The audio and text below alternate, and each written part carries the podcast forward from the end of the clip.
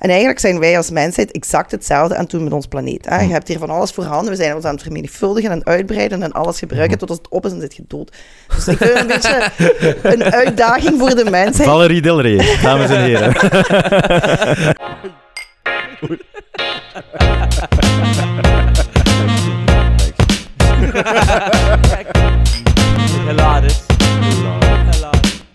Welkom bij ehm, een nieuwe aflevering van Discours met de Boys. We zijn hier vandaag met Valerie Del Rey, CEO van Greenpeace België. Welkom. Dank je wel voor, eh, Welkom. voor tijd vrij te maken. Voordat we de aflevering beginnen, doen we Ja. altijd eerst een chingetje met de whisky. Dus Je hebt dat er juist al geproefd, maar je Ja. hebt nog nooit hiervoor gedronken. Hè, dus... ik stel voor dat we chingen op de gezondheid van moeder aarde. Ja, dat is Oh. altijd een heel Dat is slecht. goede gezondheid. En, wat vind je ervan? Ja, heel lekker, hè? Beetje zoet. Bent je Ja. een whisky drinken normaal? Ehm, ik ben heel lang een whiskydrinker geweest, omdat, omdat mijn ex ehm, daar heel into was en een collectie had. Maar nu ben ik eigenlijk meer naar de gin geschakeld. Ah, ja, oké. Maar, dus, Maar ook vodka met, met honing, hebben we daarnet Ja, gehoord. ja, dat was eh, van heel lang geleden. Ik ging vroeger zo op internationale congressen met de jong socialisten en dan nam iedereen van ieder land wel een drankje mee. En Ja. de Polen hadden dan vaak zo vodka met eh, bladgoud in. Ah, ja, eh, van die die exclusieve. En ja. ja, dat, dat, dat was lekker. ja. Ah, hè, dat klinkt echt wel een Ja. tof feestje. En jij dan met biertjes. Ja.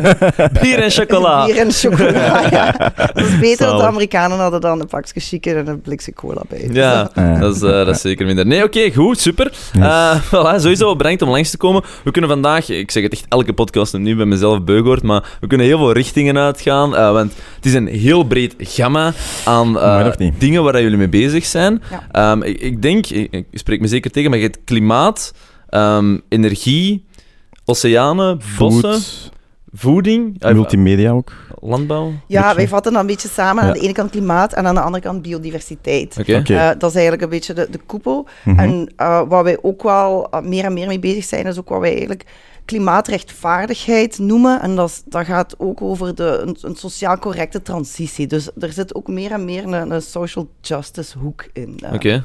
Oké. Va, nee. En uh, misschien gewoon first things first. Um, ik denk energie is een heel interessant topic. Dat is vandaag super hot. Dus misschien dat we daar even op kunnen inzoomen. Um, eh, misschien kort even, wat is een beetje de, de staat zeg maar, van, van de energie? Uh, want je ziet, eh, je hebt kernenergie, je hebt um, zonnepanelen, je hebt windenergie, je hebt waterenergie, je hebt waarschijnlijk nog andere soorten energie. Wat is een beetje waar dat we nu staan en wat is zo waar dat we naartoe willen? Ja, waar we naartoe willen is, is uh, 100% hernieuwbare energie. Mhm. En, en uh, dat is ook mogelijk. En wat zijn de meest praktische uh, hernieuwbare energiebronnen? Um, ja, land, uh, sorry, wind en, en zonne-energie zijn, Mhm. zijn de twee meest haalbare. En in België staan we eigenlijk wel, zijn we een beetje uh, voorloper wat betreft uh, windenergie en vooral offshore wind. Hè. Ja, België doet het heel de goed met, de, met de Noordzeewind. Ja. Um, daar is ook een, een, een heel goede overeenkomst tussen zowel klimaat- en natuurbeweging, want dat wringt altijd wel met windmolens. Hè. Je hebt vogelrichtlijnen en, Ja. en, en hoe dat met natuur interfereert. Um, en daar is eigenlijk een heel goede overeenkomst gevonden tussen zowel de klimaatorganisaties uh, um, in België als de natuurorganisaties, als de industrie die dat daar gaat zetten, om eigenlijk een deal te hebben om dat op een goede manier te doen uh, Mhm. voor de omgeving. Dus ja, daar is België echt wel een voortrekker. Um, en dan ja, zonne-energie is nog heel veel potentieel te halen. Ja. We hebben hier zoveel daken liggen waar uh, zonnepanelen Mhm. op kunnen, dus daar is nog uh, Sowieso. En als je dat procentueel bekijkt, uh, wat dat er nu staat van, van wind- en zonne-energie, hoeveel procent van wat dat we nodig hebben staat er nu en hoeveel we nog Oh, ik nodig moet uh, exacte percentages uh, opzoeken. Ongeveer, ongeveer. Maar ja, we zijn er nog niet. Hè. Er is nog wel Ja. een weg af te leggen uh, om daar te geraken. Er gaat een hele grote stap uh, gezet worden in uh, 2025, wanneer de, een, een, tot 4,4 gigawatt windenergie hebben, gaan gerealiseerd hebben in de Noordzee. Um, In totaal dan? Of? Ja, in totaal Ah, in de Noordzee. Ja. Dus daar zijn ze nu aan het bouwen. Er is nog wel een stukje een probleem om dat te linken aan land. Daar moet een, ja, een hoogspanningskabel voor komen, Tuurlijk. maar dat zal wel in orde komen, normaal gezien. Ja. Um, ja, we zijn er nog niet, maar het is wel mogelijk. En het is natuurlijk niet wind, dat is het niet alleen dat stukje in de Belgische Noordzee, maar dat gaat ook, dat gaat eigenlijk over heel de Noordzeekusten. Daar, is een, daar wordt een link gelegd. Ja. Want eigenlijk als je de, de Noordzeekust van hier tot, tot in Scandinavië neemt, het waait altijd wel ergens. En Ja, als je aan elkaar Mhm. linkt, heb je een, een redelijke stabiele bron van eh, hernieuwbare energie. Dus En ik- daar zit zeker veel toekomst in. En ik denk zo een beetje bij hernieuwbare energie. Ik denk, eh, ja, dat is sowieso een goede oplossing. Want theorie en gebruikt een onuitputbare bron, omdat ze blijft voorkomen. Allee, dat is nog ooit wel ontploffen, maar dat is nog niet van nu. maar eh, maar ik, ik hoor altijd wel zo'n beetje dat de problematiek daaromtrent zo, ehm, ja, het batterijgegeven is. Eh, want het is energie, en ik weet er niet alles van, maar eh, je moet het toch zo goed als nu directachtig gebruiken, of je moet het opslaan. Maar onze opslaancapaciteit is ja, of kei duur, of we kunnen ook nog niet zoveel opslaan. En ook als je het opslaat, dan komen er nog een heel ander boel problemen bij kijken. En batterijen zijn ook zo van, ja, misschien minder, minder proper dan dat we wouden. Dus heb je zo'n beetje een idee hoe dat, waar dat dan naartoe gaat. Want ik hoor, even ter referentie, dat ehm, het, het te snel willen overstappen naar ehm, hernieuwbare energie en het te snel willen uitstappen van kern, ehm, wel wat mogelijke blackout scenario's voor zich zou hebben.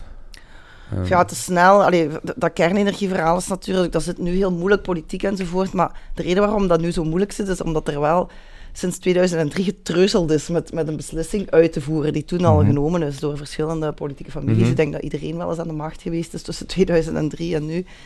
Dus ja, het is een beetje onze eigen fout eh, dat we nu in een moeilijk verhaal zitten. Want als er toen begonnen was met investeren in hernieuwbare energie, was het probleem nu helemaal van de baan. Dan hadden Mhm. we nu al eh, voldoende hernieuwbare energie. Nu is het kantje boordje. Ehm, er is eh, recent een ELIA-studie uitgekomen die eigenlijk zegt dat er eh, wel voldoende capaciteit is, ook eh, met, het, met het sluiten van de kerncentrales en zonder die gascentrales waar nu over gesproken wordt. Ja. Ehm, want daar, ja, die studie heeft dan de opwarming van de klimaatjaren meegeteld. Hè. Dus het heeft de, de, de stijgende temperatuur meegeteld, waardoor er minder capaciteit nodig is. Er zit ook heel veel potentieel in, in, in linken maken. En dan gaan we terug naar die batterijen. Bijvoorbeeld een elektrische auto, wagenpark ook gebruiken als deel van de energiebron om pieken op het net op te vangen. Mhm. Want ja, je rijdt naar werk 's morgens, je zet je auto stil. Mhm. Overdag, wanneer de zon schijnt, je, je, je laat die batterij op en je steekt die s'avonds bij je in. En je wasmachine en je licht en je tv, die Mhm. gaan van, van je opgeladen batterij van de auto. Oké. Dus zo'n systeem zou, ja. zou pieken van het net kunnen, kunnen afhalen. Ja. Dus er, zijn, er, zijn, er is heel veel onderzoek en, en ah, er zijn de, de paden naar 100% hernieuwbaar Ja. Zijn eigenlijk stilletjes aan hoe meer en meer, en meer helder aan het worden. Dus Ja. het is op dit moment vooral eh, een zaak van, van eh, sterke keuzes maken en, en de moed hebben om, om erin te Ja. gaan. En er zit ook een, ja, wat ik een beetje surrealistisch, ideologisch debat wat er gevoerd Mhm. wordt, eh, nog altijd. Ehm, maar ja, dat is... eh, Oké, nee, ja, er zijn superveel dingen waar we kunnen op inpikken. Alles oké? Ja, ik wou even voor de microfoon misschien een beetje dichter. Ja, of trek hem misschien een beetje verder dan. eh, want je hebt automatisch de neiging om zo een ja, oké. beetje naar daar. Voilà, Perfect, het is, oké. perfect, ja. Dus met een even. Ehm, ja, dus wat ik wou vragen is... Oké, twee dingen waar ik nog even op wil inzoomen. En niet per se voor alle details, maar gewoon een beetje te voelen. Eén, gascentrales. Ehm, en dat is nu ja, oftewel een lange termijn antwoord, oftewel een antwoord dat we nodig hebben als overstapmechanisme. Is dat juist? Ja, wat ik net gezegd heb, er bestaan... allee, de laatste ELIA-capaciteitsstudie heeft eigenlijk gezegd dat we ze niet nodig hebben. Maar we gaan het wel doen. Maar laten we het ja, even zo stellen. d- om een, een veilige buffer te hebben, begrijp ik, eh, vindt eh, politiek dat toch nodig eh, om dat Mhm. te doen. Het gaan er waarschijnlijk niet veel moeten zijn. Ehm, en het is hopelijk een heel tijdelijk, een heel tijdelijke situatie. Maar goed, vanuit Greenpeace zijn wij daar eigenlijk geen voorstander van. Hè. Het Ja. is, het is, hey, als je de laatste IPCC-studie bekijkt, Ja, ehm, die, dat is het klimaatrapport. ja, het Ja. klimaatrapport, hè, die, daar wordt letterlijk gezegd, het is, het is code rood voor de mensheid. Hè. Ja. Dus het is echt super dringend voor, voor eh, ons allemaal om een stukje af te schakelen van alles wat fossiele brandstof is. Dus ja, van- vanuit het Greenpeace standpunt ehm, willen we zeker geen, geen nieuwe infrastructuur die fossiele brandstof Oh, want- eh, verbruikt. Hè. Dat, is, Mhm. dat, is, eh, Dat was ook een beetje mijn gevoel. Van gascentrales lijkt precies zo het probleem verplaatsen in plaats van het Ja. op te lossen. Ja, ik begrijp, allee, ik kan mij in de voetstappen... Want gas is toch ook een eindige bron en is het ook niet zo ideaal en al die dingen. Allee, dat is toch ook... CO2-uitstoot zit er ook bij gas. Ja. Ja, wel inderdaad, maar ik denk, merendeel gaat toch ook verwarmen op gas of mazoet, hè, momenteel? Nee, nee, Huis- maar, huis- ja, ja, maar dat proberen we ook over te stappen naar Ja. warmtepompen. Hè. Ah, Ja. ja. ja. Ja, dus daar dat zijn ook dingen die in de volgende decennia echt uitgefaseerd moeten worden. Mhm. hè. Ook hoe huizen verwarmd worden, dat daar ook, eh, zeker mazoetketels, maar in tweede instantie ook gas uitgefaseerd wordt naar, naar hernieuwbare energie. hè. Ja. Zonnepanelen, warmtepompen, eh, Ja, ja, dat absoluut. soort zaken. Ehm, Oké, goed. Misschien heel even kort op kernenergie en dan wil ik iets of wat breder gaan. Maar ik weet gewoon, energie is, is een leuk topic om even naar te kijken. Ehm, maar is kernenergie. Kunt je misschien eens kort staten waar het grootste probleem daarmee is? Goh, er zijn eh, gigantisch veel problemen, maar ja, een van de grootste problemen is dat er eh, geen oplossing voor het afval is. Hè. Dat is. Dat is de radioactieve stof die daaruit komt, die Ja. heeft een, een halveringsperiode van... van 240.000 ja, jaar. is heel lang. Ehm, waar, waar geen enkele oplossing voor is. Dus dat, dat is één probleem. Hè. We zetten ons generaties, gelijk we nu gedaan hebben met, met klimaatopwarming, verschuift je een stuk van het probleem Mhm. naar de generaties die Mhm. langs komen.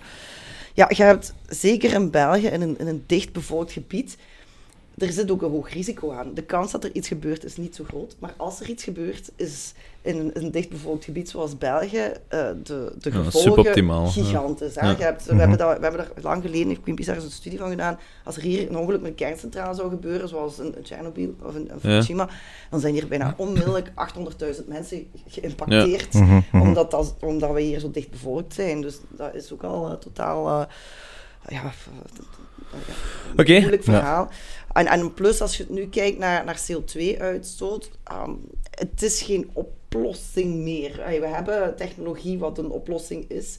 Het is eigenlijk een beetje voorbijgestreefde technologie waar sommige mensen uit bepaalde, weet ik veel, eh, idealismen of zo nog aan vasthouden. Ja. ja, op zich is kernenergie momenteel wel nog altijd veel groener dan hernieuwbare energie, omdat je wel materiaal hebt dat je moet vervangen, batterij, et cetera. Dus het is wel groen, je hebt alleen dat kernafval en uranium is natuurlijk ook niet zo super top om te gebruiken. ook. Ja, Nu, is- ik wou is misschien heel inderdaad voor eh, de mensen dat Ik weet dat er eh, technologieën vandaag zijn die worden ontwikkeld, zijn ze al helemaal commercieel bruikbaar, dat weet ik niet. Maar die eigenlijk erin slagen om eigenlijk nog heel veel energie te halen uit eigenlijk het kernafval. Hè. Zouden we dat dan, dat steekt nu ook onder de grond en en denk altijd in beton dat ze dat steken. Maar zouden erin slagen dat dat toch ook nog steeds radioactieve straling heeft, om dat eigenlijk op, op lage termijn te gebruiken. En ehm, zo enerzijds ja, het minder radioactief te maken, want er enerzijds zo uithaalt, maar anderzijds ehm, ja, eigenlijk ook een, een goede, hoe moet ik het zeggen, meer circulair gegeven is dan van kernenergie. Zou dat, ehm, stel dat dat nu commercieel is en dat zou werken en ik ken nu niet direct op alle nadelen of zoiets komen, maar zou dat dan wel passen binnen jullie dingen? Moest het circulair gewoon zijn eigen oplossen, et cetera? Als het afvalprobleem opgelost zou zijn, ja, dan zou het natuurlijk al een stukje beter zijn. Als dan het gevaar ook wat minder is, zou Mhm. het natuurlijk ook wel wat beter zijn. Maar ik hoor die, die verhalen ook altijd. hè. Vandaag stond in de pers ook over kernfusie, eh, nog een heel artikel. Mhm. Ehm, Ook heel interessant. maar ehm, ja, op zich zijn die technologieën, daar wordt over gepraat. En daar wordt al twintig jaar over gepraat dat dat er aankomt. Maar die zijn er nog niet. Mhm. En ondertussen eh, hebben we heel veel tijd verloren met, met te wachten op. En dat is, dat is een beetje wat, wat sommige mensen vandaag ook doen om.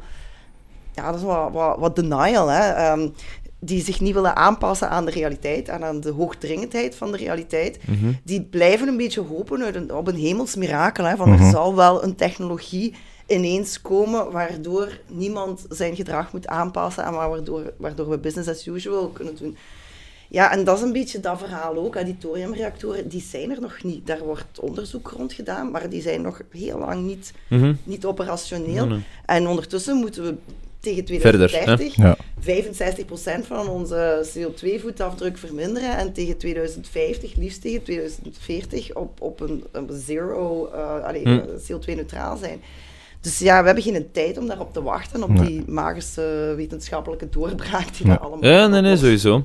Want je haalde er net de, de blackouts aan. Ik heb zoiets van, ja, oké, als het nu echt nodig is, kunnen we dat dan niet gewoon overleven, een blackout? Is dat dan zo Nee, Vroeger, dan- vroeger was het er Nee, niet. Nee, want dan zou de beurs ook crashen en dit en dat. Ja, maar je kunt, een paar, je kunt een paar dingen herleiden natuurlijk. Hè. Je kunt dat Ja, voorbereiden. dat is Hè. natuurlijk niet wenselijk. Ehm, hè. Iedereen wil dat wel voorkomen, nee. maar het zou ook nog op een slimme manier kunnen gebeuren. Hè. Ja. Bepaalde dingen afschakelen waar de economische...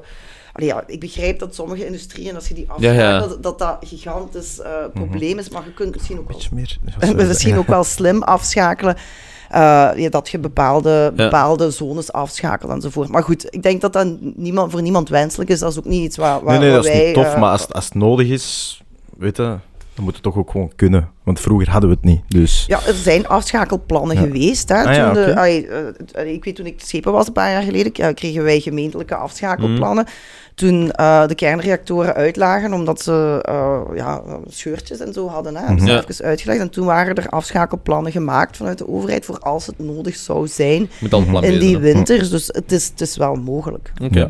Ehm, ja, ik zou misschien even weg willen shyen van het onderwerp. Je? Ja. ja, ik wou nog één ding toe. Ja, ik, ik zou het zelfs ergens nog misschien een toffe test vinden om, om zo de mensheid even zonder energie te zetten, om dan, je, gaat- een, een gezelligheid en een charme creëren en letterlijk een verbindenis, denk ik, zelfs nog eens met de mensen. Dan dat ze even niet op de gsm zitten, niet op de computer, misschien even een algemene verlofsdag of verlofsweek eh, voor de niet-essentiële sectoren of zoiets, om even gewoon terug to de core of, of, of live te komen. Dus ik zou dat echt niet erg vinden. Ja, ik, ik, denk, ik denk op individueel niveau, dat is zeker een Mhm. punt, maar ik denk een beetje op hoe Op de, wereld denk werkt. dat goed moet voorbereid zijn. Hè? Ja. Maar, eh, maar wat, wat ik eigenlijk wel vragen, nou misschien wat snel eh, zijn gegaan, wat dat, ehm, zeker uw, uw schuld niet is, maar misschien gewoon even beginnen bij het begin eigenlijk van waarom heb je vandaag het gevoel dat er een organisatie zoals Greenpeace nodig is?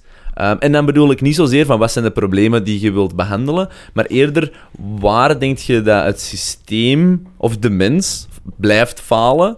Ehm, eh, of ik noem het niet per se falen, maar eh, als je een probleem ziet, dan is het gelijk met falen in zekere mate. Waardoor je het gevoel hebt dat je eigenlijk noodzakelijk bent.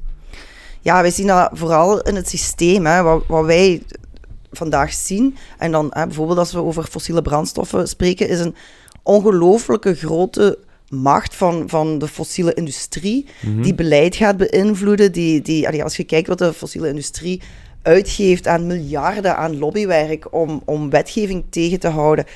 Ja, dat is iets wat, wat, wat boven iedereen zijn hoofd uitgaat. En daarvoor, dat zien wij als onze taak als een organisatie als Greenpeace, om dat bloot te leggen, om daarop te duiden, om te, om te laten zien dat dat, dat, dat de, de, de gulzigheid en, en het winstbejag is van een paar bedrijven die ongelooflijk veel boter op hun hoofd hebben. Hè? Want die wisten 40 jaar geleden, lagen de studies al, al bij ExxonMobil, die zwart op zeiden dat, dat fossiele brandstoffen de opwarming van het klimaat gingen veroorzaken en heel schadelijk waren, wat 40 jaar in de doofpot gestopt is, of, of langer. En die nu, nu het zo duidelijk is, nog altijd aan het proberen zijn om wetgeving tegen te houden, om andere paden op te staan. Dus dat is, is een van de vele taken waarvoor wij een organisatie als Greenpeace nodig vinden, om dat bloot te leggen, om daarop te wijzen, om mensen daarvan bewust te maken. En om de stem van de meerderheid eigenlijk, want dat, dat, zijn, dat is de 1%, hè, die mega internationale corporaties die daar geld aan verdienen. Ja, om de stem van de meerderheid eh, eh, op tafel te leggen en, en, en, en luid, luid genoeg te maken om gehoord te worden. Heb je, heb je het gevoel dat zeg maar, alle problematieken die jullie proberen te tackelen altijd voortkomen uit greed? Of... Omdat, omdat ik denk... eh, Ja, want zo is het inderdaad, wordt, wordt het wel een beetje weerspiegeld. Zo de, de grote, boze, ehm, kapitalistische man, stelde er bij voor bij het verhaal dat je nu, nu vertelt, inderdaad. Is het altijd vanuit dat standpunt puur Goh, nee, money? het is niet altijd uit dat standpunt. Soms, soms zijn zaken ook gewoon gegroeid uit onwetendheid. Hè, vroeger. Mensen tuurlijk. waren zich niet bewust van, van wat schadelijk was. Mhm. hè. Veel chemicaliën die gebruikt worden in producten. Ehm, ja, het is, ik, allee, ik, ik geloof niet dat er overal evil achter zit en, en een, een ongelooflijk complot om, of, met, met kwade bedoelingen. Maar ja, er is nu eenmaal een systeem gegroeid waar er bepaalde partijen zijn die daarvan profiteren en bepaalde partijen die daar de schade van, van lijden. En dat is helemaal scheef getrokken, want die partijen die ervan profiteren, die hebben jaren de kans gehad om, om te groeien en sterk te worden.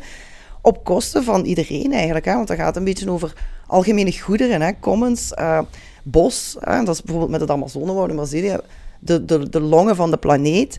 Maar die behoren toe aan één land. En het is één land waar nu hè, een, een redelijk populistische, klimaatontkennende president zit, Hm. die eigenlijk een gigantisch groot iets in, in handen heeft, wat belangrijk is voor de hele wereld. En dat kan exploiteren en daar dingen mee kan doen. En, zo, en, en eigenlijk, ja, dat, dat land heeft daar wel winst uit, maar oké, en zo zijn er ook bedrijven die daar winst uithalen. Maar die, de kosten die dat heeft op de samenleving en op, op, op de planeet, Hmm. worden nergens betaald door niemand. En dan uiteindelijk door ons als belastingbetaler en, en door de overheid om dan met oplossingen te komen. Om dat, en dat, dat is gewoon niet fair. Je Het is altijd ja. de, de gevolgen oplossen in plaats van de oorzaak aanpakken. Maar op zich, Ja. eh, ik, ik stel me dan ook de vraag van, en wij als, als ja, gewone mensen, als je het dan zo mocht noemen, daar ook niet altijd een beetje bewust voor meegekozen, door oftewel bewust een blind eye te keren, oftewel gewoon zeggen van het is zo. Want uiteindelijk, ik denk wat ook onontkenbaar is, ik denk dat heel veel dingen vandaag slecht zijn voor het milieu, ehm, dat ook zaken zijn die op een bepaald moment innovatie waren en ons leven vergemakkelijkten, en dat we zoiets hadden, wauw, ik bedoel, de- het is hier wel een super groot voordeel, eigenlijk een auto, eh, dat is bangelijk, hè, Ehm, dat je zomaar kunt verplaatsen en dat we zeggen, goh, wat dat eigenlijk het- de tegenhanger is van het voordeel. We zijn daar nu eigenlijk niet zo hard mee bezig, want ik zou mij graag willen verplaatsen. Want zijn we niet allemaal een beetje onderdeel van dat probleem? Want in theorie, ik denk altijd, als een bedrijf iets slecht doet en je koopt er niet van, dan is het kapot. Punt. Heel, eh, dat, is wat, dat is wat kort door de bocht. Mhm. Maar in essentie klopt dat wel een beetje. Ik denk dat dat ook vaak is bij jullie. Hè, dat jullie bijvoorbeeld ook bij landbouw zeggen van koop van ehm, ja, boeren of whatever die eh, goed zijn geteeld en Mhm. ecologisch. Dus je geeft wel een beetje denk ik, de kracht aan van de consument op dat niveau. Dus zijn we op dat moment zo niet een beetje een cirkeltje zo aan het zijn. En er zijn zo de grote boze wolven, zijn we organisaties terug en wij gebruiken wat gemakkelijkst is en liefst ook nog het goedkoopste. Ja, dat is dan vaak de grote boze En zijn we zo niet allemaal een beetje in... eh, ja, allemaal onderdeel van hetzelfde theater? Ja, maar er zijn natuurlijk redenen waarom iets het goedkoopste is. En ook informatie is niet perfect. Als je nu het voedselgegeven neemt bijvoorbeeld. Ik denk dat de meeste mensen liefst iets kopen wat eerlijk geproduceerd is, eh, zonder te veel pesticiden, geen milieuschade, waar geen... ehm, Degelijk. ja, iets degelijk, hè, Ja. waar geen bos voor gekapt is om daar soja te zetten Mhm. enzovoort. Maar het is gewoon quasi onmogelijk om als gewone consument in de supermarkt een product eruit te kiezen waar je zeker van bent dat dat, dat zo is. Dus je hebt die informatie niet als consument. Mhm. het, is, het is onfair om die verantwoordelijkheid ook bij, bij individuen te leggen. En natuurlijk heeft iedereen zijn, zijn verantwoordelijkheid om eh, minder vlees te eten en niet te veel te vliegen en, en niet te veel met de auto te rijden als er andere mogen. Dus, maar het is niet fair en dat is ook een beetje wat, wat gebeurd is door bepaalde spelers die graag hebben dat wij ons allemaal schuldig voelen, zodat er maar zeker niet naar systeemverandering gekeken wordt. Mhm. Het is ehm eh, ExxonMobil die het concept van de ecologische voetdruk heeft uitgevonden en de wereld ingestuurd. Zodat iedereen zich schuldig voelt over zijn eigen ecologische voetafdruk en niemand kijkt naar het systeem wat dat eigenlijk in stand houdt. Dat wij dat allemaal nodig hebben. En dat gaat samen met bepaalde keuzes. Hè. Ah, we kunnen kiezen, ah, bijvoorbeeld korte afstandsvluchten. We kunnen kiezen om als maatschappij te investeren in eh hogesnelheidstreinen die goedkoop zijn. Maar wat is nu de realiteit? Iedereen vliegt, omdat een ticketje van hier naar Barcelona kost 40 euro. Maar als ik van hier naar Barcelona met de trein moet gaan, kost mij 250 euro. Natuurlijk gaat iedereen met het vliegtuig. Maar dat is wel een systeem wat dat ondersteunt. Dat is het feit dat er geen belastingen op, op kerosine betaald wordt door de vliegtuigindustrie, terwijl mensen die treinen organiseren betalen wel belastingen. Dat zijn allemaal keuzes die daarin zitten in het Ja. systeem, wat een beetje verziekt is. En daar, als we daar andere keuzes maken, ja, kunnen mensen nog altijd comfort hebben. En allee, we zeggen niet dat iedereen terug in een hut in het bos moet gaan Mhm. wonen hè, en, en, en eigen teelt Daar krijg je eten ook heel moeten gaan moeilijk jagen mensen en voor zo. overtuigd. Ja, ja. Dus dat is Dus niet eh, dat, dat, dat is niet de bedoeling, maar je kunt een, een, een moderne, eh, vooruitgaande maatschappij in stand houden met op, een, op een ecologische, vriendelijke manier als je technologie gebruikt om in harmonie te leven met, met, met je omgeving en de planeet, in plaats van om ehm, extractief te zijn en het kapot te maken. En dat zijn keuzes die we samen moeten maken. En op zich, ik, eh, ik volg wat je zegt. En ik denk ook, excuseer, dat vandaag de dag ehm, heel moeilijk mensen vinden die zeggen: Goh, als ik gewoon mijn leven kan leven en het kan eh, wat beter zijn voor de planeet en X en Y, dat niemand daar tegen is. Maar ik denk altijd, en dat is zo het complexe van wat is de balans en wat is het antwoord? En het antwoord is vaak nooit mogelijk, hè, want dat is vaak te utopisch en moet altijd zoeken van we leven in een bepaald systeem, et cetera, et cetera. Maar wat ik me afvraag is van hoe bepalen jullie, zeg maar, ehm, wat dat goed of slecht is. En want in, in theorie, en nu probeer ik ook terug wat filosofischer te gaan, maar denk ik wel dat Greenpeace wordt bekeken en dat jullie, jullie zelf zo bekijken. En ik mag het hopen, want anders heeft het geen nut. Maar als wel een beetje van, we hebben, we hebben een, een beter antwoord, laten we even zeggen. Of, of we hebben toch wel een juiste visie over hoe we moeten omgaan met de planeet. Ehm, hoe bepaalt je een beetje wat dat juist is ehm, voor de planeet? En hoe probeert je dan dat, zeg maar, praktisch in te passen in het economisch systeem dat er nu al is? Ja, wij zijn Brede heel, vraag. Wij zijn, ja, het is inderdaad breed. Maar eh, Greenpeace is, is, is heel erg science-based. Dus we hebben niet, zo, niet zozeer een mening. Hè? Dus we proberen, Ja. we zijn geen politieke partij met een ideologie die een bepaalde mening heeft van zo moet de wereld eruit zien. Wij proberen echt te volgen wat, wat uit de wetenschap komt. Hm. Dus daar vertrekt het. Eh, en dan gaan wij, gaan wij proberen kijken van oké, kunnen wij helpen met ook oplossingen bedenken daarvoor. Hm. Dus eh, als ik een voorbeeld geef, we hebben niet zo lang geleden een heel grote mobiliteitsstudie gemaakt. En we doen dat niet altijd niet alleen. Hè. We, vragen daar ook universiteiten enzovoort om, om daaraan deel te nemen. Maar ja, wij kijken van oké, wat zou de vermindering, hè, als we in 2030 inderdaad min 65% willen halen, hoeveel CO2 moet er dan uit? Wat is het aandeel van transport en hoeveel CO2 moet er dan uit transport? Oké, dat is dat. Wat zijn dan de mogelijkheden met, met treinverbindingen, met elektrische voertuigen? En we proberen dan zo'n puzzel te leggen die we aan beleid kunnen geven om te zeggen van kijk, er is een Het is oplossing. echt kant en klaar dat je Ja. eigenlijk naar, naar de overheid stapt. Geen makkelijke oplossing, Ja. hè? want oké, eh, gigantisch veel investeren in, in een Het voelt altijd vrij drastisch, hè? Ja, Ja, ja. allee, daar, daar, daar, gaan, eh, daar gaan investeringen moeten gebeuren om dat waar te maken. Het is, als het zo simpel was, was het al gebeurd natuurlijk. Uiteraard. Maar wij Hm. proberen wel de paden te laten zien om te zeggen van kijk, het is wel mogelijk om het te doen. Ja. Het is, eh, want vaak hoort je van ja, ah, jullie zeggen dat wel en jullie leven op een, op een roze wolk van hippie, regenbogen Sowieso, en, en die unicorns. connotatie. Die, die inderdaad. Die, ja, die de geitenwolle sokken, ja. connotatie Ja, dat is wel extreem. Ja, maar wel. sowieso, ja, klopt. Dus wij proberen dat ook wel heel goed uit te dokteren in de mate van het mogelijke. En echt eh, ook, ook ja, met partners en zo paden te, te geven aan beleidsmakers. Om te zeggen van kijk, hier is de handleiding om, om, Ja. om de juiste Mhm. richting uit te gaan. En ehm, bijvoorbeeld, werk je eigenlijk ook vaak... Oh, sorry hoor. Maar werk je eigenlijk ook vaak eh, samen met bedrijven zelf? Bijvoorbeeld, ik ken... Ik heb nu twee keer ExxonMobil aangehaald. En dan denk ik, ja, er zijn er duizenden manieren om dat op te lossen. Maar ik denk, de meest ideale lijkt me gewoon naar ExxonMobil stappen. Zeggen, yo, yo, dit denken wij dat anders of beter kan. Hier is ook direct hè, van de economische impact. Dus je ziet, het doet misschien niet te veel pijn. Of in de short run even pijn. Maar dan eh, X en Y. Dat je uiteindelijk, ja, zeg maar, de grote boze wolf mee kunt overtuigen om... eh tof ja, te doen. Fossiele brandstoffen is dat moeilijk, want we zeggen natuurlijk, jullie, jullie moeten niet meer bestaan in de Ja. toekomst. Hè, dus Nee, maar dat is, dat is maar te er zijn wel andere. Elk bedrijf dat innoveert gaat eruit, hè? Dus ja, dat- dat inderdaad. is misschien kunnen, en dat, sommigen doen dat ook. Allee, er zijn, ah, er zijn ook eh, energie, ah, fossiele brandstoffenbedrijven die proberen nu in, in hernieuwbare energie te investeren. Maar Sowieso. jammer genoeg proberen ze ook allemaal zo lang mogelijk vast te houden aan het uitpersen van de winst die ze nog kunnen hebben uit de fossiele brandstoffen. Dus dat is een beetje... makes sense, zeker. Maar zijn ook niet automatisch de grootste investeerder bijvoorbeeld in ook hernieuwbare energie, met die gewoon het meeste kapitaal hebben? Ja, daar, Dus- daar wordt inderdaad voor een stuk geïnvesteerd. Hè. Dus op zich kan dat de goede kant uitgaan. Maar op dit moment is het nog onvoldoende, omdat ze proberen ja, nog zoveel mogelijk af te schrijven van, van de investeringen die ze gedaan hebben in het verleden. Maar goed, wij werken soms ook wel ehm, met bedrijven. Allee, bijvoorbeeld in België zitten wij. Eh, Of hebben al vaak samengezeten met de Antwerpse haven bijvoorbeeld, om te kijken wat, wat zij daar voor vergroeningsplannen hebben, om daarvan gedachten te wisselen. Wij gaan nooit ons merk op een bedrijf plakken en zeggen van approved by Greenpeace. Nee, Wij- dat heeft geen nut. wij hanteren een beetje zo het, het no permanent friends, no permanent enemies eh, principe. Want de ene dag, als, als een bedrijf iets, iets goed doet, kunnen wij daar applaudisseren en zeggen van super tof gedaan. Mhm. Maar ja, als het de volgende dag iets minder goed is, kunnen wij daar ook de boel gaan afsluiten en een actie Nee, maar voeren. dat is, Dus, Nee, eh, denk maar ik rationeel blijven in Ja. functie van je missie. ja. Ja, het is dat, want je hebt het niet in handen. Totdat je mee in het bestuur zit, kun je dat Ja. eigenlijk niet doen. Hè. Ja, absoluut. Maar nee, dat, dat gebeurt wel. Ja. Uh, wij, wij overleggen op regelmatige basis met uh, bedrijven. Uh, maar soms is dat heel vriendelijk, soms is dat na een, een, een vervelende actie voor dat bedrijf dat we aan tafel zitten, dan is dat iets minder uh, aangenaam. Wat zijn zo de, de meest extreme acties van dit jaar? Ah, pakt afgelopen... Ja, het laatste net jaar is moeilijk geweest met voilà. corona. Ja, Ja, voilà. Pakt voor corona, de, het jaar voor corona, de meest extreme acties dat ook het meeste resultaten hebben opgebracht. Ja, ik denk een van de... Wat, wat, voor ons nogal organisatorisch zeer uitdagend was, uh, en dat is al van 2019, het was uh, net, net begin eind 2019, uh, hebben we bij de Europese top een redelijk grote actie gedaan. En daar hebben we het Europees gebouw, waar de, de, de, al de Europese leiders in gingen verzamelen, hebben we met klimmers helemaal ingepakt, in, met banners met vuur. En daar, Your House is on Fire. En dat was net de raad waar ze gingen praten over klimaatdoelstellingen enzovoort.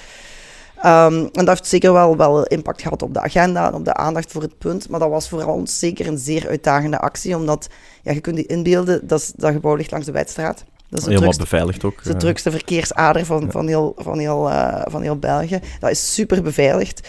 Uh, dus daar komt heel veel uh, ja, organisatie bij, organisatie bij kijken. Net op het randje van de wet breken, wel wet breken. Ja, eigenlijk, eigenlijk mag dat niet. Hè. Allee, nee, nood, nood breekt wet Greenpeace gebruikt civil disobedience regelmatig om een punt te maken. ja. Oké. Okay. Maar mag, mag. Ik, vind, ik vind het wel tof, ik, want... Ik lig daar in het midden. Ik, ik zei het er net nog tegen, tegen Amory, ik heb wel, wel wat bewondering voor, voor zo, inderdaad, het rebelse dat er ook zo nog in zit, zo van de stap toch durven nemen om even gewoon inderdaad de, de regeltjes, zal ik zeggen, te negeren, om dan toch uw punt te maken, omdat het gewoon nodig is. Uh, dus dat vind, ik, dat vind ik heel bewonderenswaardig gewoon. Dus dat vind ik wel Ja, cool. dat is een moeilijke ja. soms ook, hè, want ja, je moet zien hoe ver je daar kunt gaan Ja. en, en wat geoorloofd is en, en wat niet Mhm. geoorloofd is. Dus dat is een, een dunne lijn uh, waar wij vaak op wandelen. Absoluut, maar, ik we- denk, zolang dat je andere personen in niet direct gevaar zet, Onze acties zijn altijd, wij noemen dat ook eh, non-violent direct, direct action. Mhm. Dus wij hebben een, een, een zeer doorgedreven principe van, van uh, niet-gewelddadigheid. Dus Mhm. wij zullen iets blokkeren, wij, wij zullen Mhm. ergens opklimmen, een punt maken, maar wij zullen nooit uh, voor expres iets, iets stuk maken of, of, of geweld gebruiken. Of, dus daar, daar ligt voor ons wel een hele duidelijke grens. Um, ja. Maar uh, misschien, ja, we hebben het zo eens een keer gehad over protesten, de impact dat Ja. dat zou moeten hebben, Ja. is eigenlijk wel de manier om democratie te voeren. Ik denk waar we op antwoord kwamen van, ja, het is sowieso necessary evil dat vandaag bestaat en eh, soms relevant is, en maar moet het altijd zo zijn in een, in een, in een echte democratie? Dat, dat weet ik niet. Maar misschien een vraagje waar ik ook had, ehm, was van als je zo naar Greenpeace kijkt, uiteindelijk, ik denk altijd, er is altijd een balans. En als je bijvoorbeeld iets, iets nieuws probeert te implementeren, valt er altijd iets oud weg of verandert er iets. En dat is zo'n beetje, daar, daar kun je niet rond. En dat is de bedoeling net, denk ik. Maar ehm, als je... Kiest je altijd zeg maar eerder voor planeet of mens? Ik zal even duidelijk stellen wat ik, wat ik wil bedoelen. Ik denk bijvoorbeeld hè, een paar bedrijven, ehm, je hebt het ook een paar keer gehad over winst, et cetera. Ik kan me ook wel inbeelden dat heel veel gewone mensen voor die bedrijven werken, de grote economische impact, daardoor betaald worden, aandelen hebben in die bedrijven en zo, en bla bla bla bla bla. Dus ik denk ook wel ehm, dat dat zo'n beetje de realiteit is als je dingen gaat zeg maar, sturen of veranderen of soms willen afbreken. Ehm, ja, dat je daar ook zeg maar, ja, niet de, de, de grote winstmensen mee, mee ja, beteert of zo moet zeggen, maar ook zo zeg maar, de meer gemiddelde mens raakt. Hoe houd je intern zelf die balans? Ah, Of, of hoe... Dat is wel een goede vraag. Ja, eigenlijk is dat het, het, het Gilets jaunes, Gilets vert verhaal, hè, wat, wat daar een beetje in boven komt. Zo die, die strijd van, ehm, eh, ja, die in Frankrijk begonnen is hè, met de gele hesjes, eh, Mhm. die heel opstandig waren. Want de Franse regering wou een, een, een klimaatmaatregel erdoor krijgen, had, had de tax op diesel verhoogd. En ineens komen heel veel gewoon mensen die in een Mhm. klein dorpje wonen en, die geen enkele andere mogelijkheid hebben om, om op hun werk te geraken, Mhm. zeggen van ja mannetjes, dat, dat is niet oké. hè. Jullie groene bourgeois bohemia zit helemaal doorgedraaid, maar in het gewone leven ja, spoort dat niet wat jullie Ja. proberen dus dat is inderdaad Een logische reactie. Ja, dat is ook, een logische reactie en dat is een spanningsveld. Um, het is daarom dat ik, uh, ik heb het daar straks ook heel even gehad, wat wij noemen um, klimaatrechtvaardigheid. Dus we proberen daar wel heel erg rekening mee te houden. Want je hebt dat vaak, hè, uh, subsidies voor zonnepanelen, voor, voor wie komt dat een goede? Dat, dat zijn niet de gewone uh, mensen, dat zijn vaak de, de betere middenklasse of daarboven elektrische auto's. Hè. Wie Mhm. kan een elektrische auto kopen? We proberen daar zeker wel rekening mee te houden. En dan zeker nu, allee, bijvoorbeeld sluiting van de kerncentrales zal een goed voorbeeld zijn. Daar werken in België x aantal, ik weet niet Ja, ik heb hoeveel, ook geen flauw honderden, honderden Mhm. duizenden, denk ik, mensen in, in, in, die, eh, in die industrie die als, als hè, wij ons zin krijgen en, en dat gaat Ja. dicht, geen werk meer hebben. Dus allee, we willen die mensen zeker niet vergeten. We proberen ook samen met vakbonden en zo te werken. Er moet ook ingezet worden op een transitie van die mensen naar een andere job. Maar daar komt ook, als je kijkt, en daar, daar is een Europese studie over, België heeft het meeste potentieels om nieuwe jobs te creëren als ze investeren in groene economie. Daar zit natuurlijk een beetje een skills mismatch in en die mensen moeten Herscholing, hè, en herschoold klaar, worden. Ja. Maar er is ongelooflijk potentieel hier, vooral hier in België blijkbaar, komt uit die studie, want eh, met de haven en, en de windmolenindustrie en eh, al, de, al de, de voordelen die wij hier hebben, om heel veel jobs te creëren in die groene... Dus daar liggen heel veel mogelijkheden, maar natuurlijk moet daar ook beleid zijn, dat moet ook georganiseerd worden. Dus dat kan, maar het moet wel... eh, die, die uitdagingen moeten opgenomen worden nu door de Mhm. politiek. Ik zie, ik zie ineens een heel zo'n eh, zo'n sluiting, dat is toch ook niet van de ene op de andere dag, hè? Nee, gezien dat nu aankomen, en dat zijn ook de dingen waar wij... En dat is, dat is waar- toch ook een plan en dan inderdaad die transitie van, Ja. oké, die kerncentrale gaat dicht, dan heb je duidelijk die gascentrales en dan eh, onderhoud windenergie en zonne-energie, denk ik. Ik denk dat daar voldoende jobs zijn, waarbij Ja. dat zij direct kunnen aansluiten, mits die transitie en die herscholing. Dus ik zie niet direct het probleem. warmtepompen installeren vandaag blijven. Er is een gigantische nood aan, aan mensen die dat kunnen. Zelfs loodgieters alleen al bijvoorbeeld. ja. Duizenden, duizenden Ja. openstaande jobs om dat te doen en, en, er is, en, en ze vinden niemand. Mhm. Dus maar dat- zijn ook de zaken die wij vandaag aan, aan beleidsmakers vragen. Zeg aan de ene kant, oké, voorzie de transitie die er moet gebeuren naar die vermindering van CO2, maar voorzie ook de transitie die er moet gebeuren in uw economie en in uw tewerkstelling om dat te begeleiden. Want anders ja, gaat je een gigantische sociale opstand krijgen. Hè? Als, als, als eh, CO2-neutraal worden, als gevolg he- heeft dat ik duizenden of tienduizenden mensen een job verliezen, ja, dan gaat er niet het draagvlak zijn die we nodig hebben om dat ook allemaal te verwezenlijken. Ik, ik merk wel, door, door het hier eigenlijk allemaal over te hebben, dat bedrijven echt wel in een super moeilijke positie zitten. Want als bedrijf, hè, je hebt ehm, zoveel mensen die aan je trekken. Je hebt de medewerkers die aan je trekken die zeggen van, hè, geef mij een toffe job, Tuurlijk. zie dat ik mij amuseer, zie dat ik het goed heb. Dan heb je een vakbond die zegt, hey, betaalt de medewerkers eens mee. Dan heb je de Greenpeace die zegt, hey, met je winst investeer eens in nieuwe dingen. En dan heb je de aandeelhouders die zeggen, waar is onze winst? Dus uiteindelijk, ik denk dat, ja, een heel complex systeem wel. Want je hebt dan uiteindelijk ook winst nodig voor nieuw te investeren. Maar iedereen is precies zo aan het trekken. Dus ja, dat is altijd. dat is wel hè. zo. Ja. Ja. maar ik zie ineens zo'n beetje zo eigenlijk bedrijf en hoeveel mensen dat zo'n verschillende redenen, en vaak goede redenen, eraan trekken, maar eigenlijk allemaal zo hetzelfde utility nodig hebben, winst, wat dan uiteindelijk vaak als het probleem wordt gezien, maar uiteindelijk ook de tool is om alles te bereiken. Als het... Het is waar dat bedrijven... Maar het- je snapt wat ik bedoel? ja, ja, dat dat... allee, dat, En dat je ook zei, ik werk samen met vakbonden, maar dan zeggen die vaak, betaal onze mensen meer, maar dan eh, innoveren dan, of... of Ja, maar ik zie daar eh, niet altijd de tegenstrijdigheden in. Ik denk dat je een succesvol bedrijf kunt hebben, Mm, deze mensen sowieso. op een fatsoenlijke manier behandelt, die en eh product of, of een dienst verleent die Van toegevoegde waarde van toegevoegde gewoon, waarde is en, en niet schadelijk is Mhm. voor de planeet. En ook nog, eh, nog, nog winst kan maken. En, en voor, dus, En daarnaast eventueel nog projecten en, steunt. en dat hè. zijn de bedrijven van de toekomst. Hè? Want ik denk Mhm. de bedrijven die daar niet in gaan slagen, zijn de bedrijven die op een of andere manier in moeilijkheden gaan geraken. Dus 100% akkoord. Ik denk, ja. slagen in heel die, eh, dat, dat gaat wel complex zijn, maar het hè, gaat zoeken naar alleen die maar balans. belangrijker en belangrijker. Want nu, nu voelt je ook al gewoon van...